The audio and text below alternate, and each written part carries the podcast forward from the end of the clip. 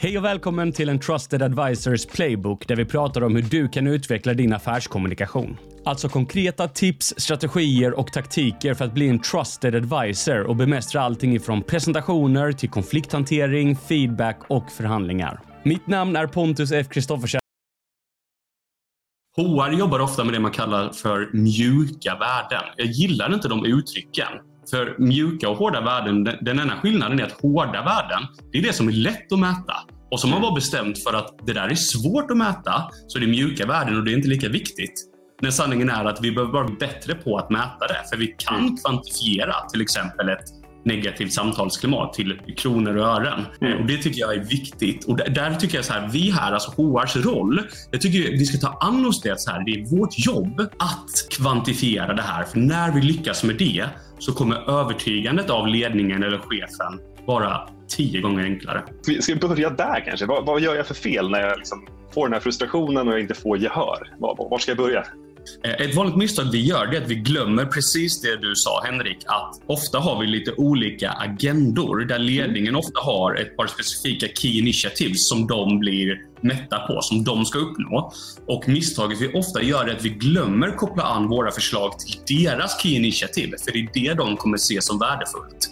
Så eh, för att ge tre konkreta tips kring det här med budskapsmodellering, då är nummer ett just att koppla dina förslag till deras key initiatives. Och eh, om ni inte redan vet vilka det är så är det här ofta liksom offentliga uppgifter eller åtminstone offentligt internt. Så det, det borde inte vara några svårigheter att identifiera vad era key initiatives för det här året eller det här, de kommande fem åren eller tio åren är. Eh, och Vad jag gillar att göra nu, för att en utmaning jag ofta stöter på är så här, okej okay, nu vet jag key-initiativet, men hur kopplar jag an det här då? Vad ska jag få fröna till mina argument? Om du går in, nu är ju ChatGPT typ den största eller mest kända AI-plattformen. Och Vad jag gillar att göra då, är att du kan ta det här det här är ett exempel. Då. Jag skrev, hur hjälper din utbildning i presentationsteknik ett företag att nå sitt key initiativ att expandera till nya marknader? Mm. Och då bara spottar den direkt ut åtta punkter. Så här, det här är ett sätt, det här är ett sätt, det här är ett sätt. Och då har du åtta utgångspunkter. Jag säger inte att alltid att AI säger liksom är spot on, men av de åtta förslagen som den ger dig kommer du förmodligen hitta två eller tre som du är så här. Det här skulle funka bra hos oss. Hej Pontus här. Jag vill bara komma med en snabb rekommendation att om du gillar det här innehållet, se till att lägga till mig på Youtube och LinkedIn där jag delar med mig av den här typen av innehåll i korta och läror. Och del nummer två då, det är att Ledningen vill ofta höra data, statistik, siffror. Så för att underlätta din process här också så kan du välja ut de här två eller tre förslagen som ChatGPT gav dig.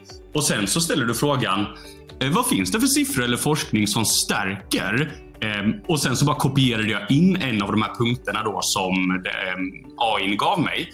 Och då bara gav den mig så här tre olika forskningsrapporter. Och här är det viktigt att komma ihåg så här. Lita inte 100% vad AI säger, men nu kan du bara googla till exempel. Eh, kan du eh, googla på namnet som den skrev här med den här forskningsstudien. Då hittar du ofta undersökningen och så kan du själv göra lite due diligence för att se att det faktiskt stämmer. Mm. Men på det här sättet kan du väldigt snabbt, väldigt enkelt och väldigt effektivt identifiera dina argument för att koppla an dina förslag till ledningens eller din chefs key initiatives. Och jag lovar dig, gör du bara de här sakerna så kommer du direkt framstå väldigt mycket mer övertygande när du levererar dina förslag. Det gjordes faktiskt en svensk studie ganska nyligen av en kvinna som heter Malin Lohela Karlsson, tror jag. Hon är eh, forskare på Uppsala universitet och hon har gjort en studie på arbetsklimat och hur det påverkar. Och Vad hon såg i sina studier var att om du som medarbetare upplever ett, ett dåligt samtalsklimat, kanske passiv aggressivitet eller lite dålig stämning, man vågar inte ge feedback så som man borde. Då kan du förvänta dig ett produktionsbortfall på 30 till 40 procent. Alltså vi pratar 12 till 16 timmar i veckan mm. för varje medarbetare som upplever det här. Och Vill man då göra det till siffror så kan man ju ta så här. Lek med tanken att det är 10% av medarbetare som upplever det här. En av tio. Det är ganska rimligt. Vad är medianlönen? Vad är mediankostnaden för att betala mm. ut den timlönen? Och så multiplicerar vi det då med 12 till 16 timmar så ser vi vad det kostar varje vecka för oss. Och jag lovar er, det är helt absurda siffror. Just de här dolda kostnaderna är någonting jag fokuserar på på sistone. För HR jobbar ofta med det man kallar för mjuka värden. Jag gillar inte de uttrycken. För mjuka och hårda värden, den enda skillnaden är att hårda värden, det är det som är lätt att mäta. Och som har bara bestämt för att det där är svårt att mäta, så är det mjuka värden och det är inte lika viktigt. När sanningen är att vi behöver vara bättre på att mäta det. För vi kan kvantifiera till exempel ett negativt samtalsklimat till kronor och ören. Mm. Och Det tycker jag är viktigt. Och där, tycker jag så här, vi här, alltså HRs roll, jag tycker vi ska ta an oss det så här, det är vårt jobb att kvantifiera det här. För när vi lyckas med det så kommer övertygandet av ledningen eller chefen vara tio gånger enklare. Mm. Oj, du sa mycket smart här. Eh, väldigt mycket smart. Hanna skrev en fråga ja. i chatten. Har ni mm. bra exempel på om man kan mäta mjuka värden? Alltså det, det, lättaste sättet att göra det på, tycker jag, är, det är att man, man gör saker på en skala från 1 till 10. Ja. Eh, så att man säger liksom, ja, men Henrik, upplever du att du har lätt att ge feedback till din chef? Eh, mm. Hur lätt tycker du det är på en skala från 1 till 10? Där 1 är skitsvårt och 10 är, det är inga problem alls. Mm. Eh, gör man det till sina medarbetare så får du en siffra där som indikerar, okej, okay, är det bra eller är det dåligt? Och det klassiska så här NPS-mättalet, då brukar man väl säga typ 1 eh, till 6, då bör man göra någon förändring. 7 är neutralt. Eh, 7 och 8 kanske är neutralt. neutralt exakt. Ja, precis. Och 9 och 10, då är det liksom bra. Mm. Eh, det kan vara en bra måttstock att ha i bakhuvudet om man jobbar med skalor. Mm. Eh, jag kommer ibland in på organisationer, skriver sekretessavtal och sen så går jag in och pratar med medarbetare för att de, inte, de har inte förtroende till ledningen. De vågar inte dela med sig för de är rädda att det ska ge konsekvenser för dem. Mm. Så då kommer jag in, tar in den informationen och sen så bygger jag en utbildning utifrån det de säger och sen så kör vi. Um, och det är just för att när vi inte får vara anonyma så vågar väldigt många inte säga som det är. Och det tror jag alla kan känna igen sig Känner man att jag kan förlora på att säga sanningen här så är det ganska lätt att ljuga bara för att komma undan. Och då kommer aldrig organisationen kunna lösa det problemet. Men eh, ganska tidigt så, eh, så skrev eh, Maria här eh, att ja, men ibland känns det som att HR hand, handhar eh, cykelställsfrågor. Väldigt bra ord tycker jag. Och övriga affärsområden handhar core business, vilket gör att det är svårt att få HRs område att kosta pengar då ingen vill liksom hålla på med arbetsmiljöutbildning, implementera HR-system. Vi vill att de ska implementera HR-system såklart.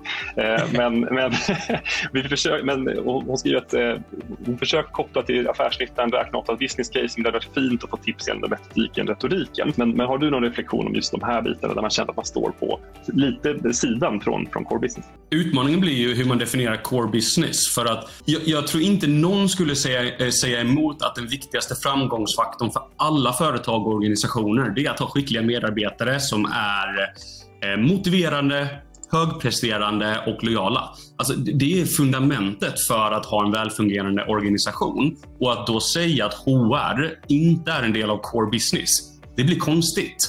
Eh, men det är väl för att man definierar core business som det här är vår affärsidé.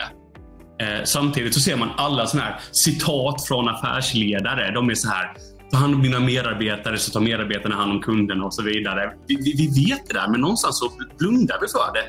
Det, det, det är någon väldigt konstig diskrepans där vi alla vet att människorna är det viktigaste. Men så glömmer vi bort det och bara kollar på siffror och, och försäljning istället för att kolla på välmående. Mm. Inte alltid, men väldigt ofta. Eh, så jag skulle säga att det är viktigt att göra den, det förtydligandet att det här är vår core business. Men den fungerar inte utan människorna. Så vi kan mm. inte ta bort människorna från core business, utan det är samma sak. Jag gillar verkligen begreppet alternativkostnader och där tänker jag man skulle bli duktig att kolla på också. Eh, för just som du sa Henrik, att så här, ja, det, det, kanske är framtungt att implementera ett nytt HR-system för att alla ska sätta sig in i den nya processen och så vidare. Men hur mycket tid och resurser kommer vi spara sen? Och kolla liksom på den eventuella förlusten om vi inte gör den här investeringen. Mm. Det, det, kan också vara ett bra sätt att hitta argument för varför vi borde göra någonting som inte andra håller med om. Det är att lyfta fram alternativkostnaderna, för den delen glömmer vi ofta. Så det var allt för det här avsnittet. Testa tipsen. Lägg märke till hur bra de fungerar och kom ihåg att förtroende, det är valutan för framgångsrik